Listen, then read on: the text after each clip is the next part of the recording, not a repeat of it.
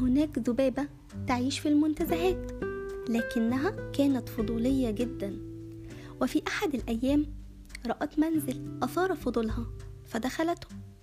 وبعد فترة وجيزة مرت سيدة من أمام المنزل ورأت الباب مفتوحا فأغلقته. فأصبحت الذبابة حبيسة المنزل.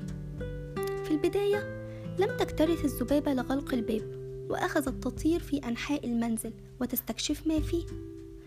فدخلت غرفة النوم التي كانت مرتبة ثم دخلت الحمام الذي وجدته مملا. بعد ذلك دخلت المطبخ وأخذت تتذوق الفتاة الواقعة في الأرض.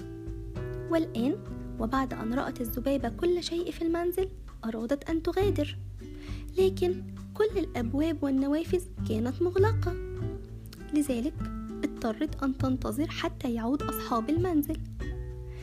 لكن أصحاب المنزل تأخروا كثيرا ولأنها كانت تشعر برغبة شديدة في النوم قررت أن تحاول الخروج من المنزل عندما يحل الصباح. فاختفت أسفل مظلة مصباح في غرفة المعيشة. وفي منتصف الليل عاد أصحاب المنزل. لكن الذبابة أعادت التفكير في الأمر وقررت ألا تنتظر حتى الصباح دون القيام بأي شيء. فوقعت عيناها على قبعة رجل يعيش في المنزل فاتجهت إليها وتشبثت داخل الجزء العلوي بها.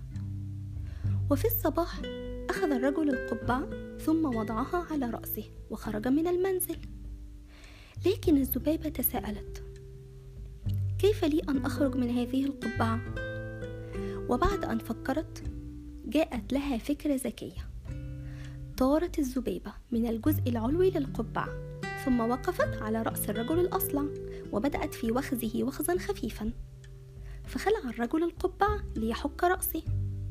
فإذا بالذبابة تخرج من القبعة وصاحت قائلة وهي تستنشق نسيم الحرية أخيرا تحررت أخيرا تحررت.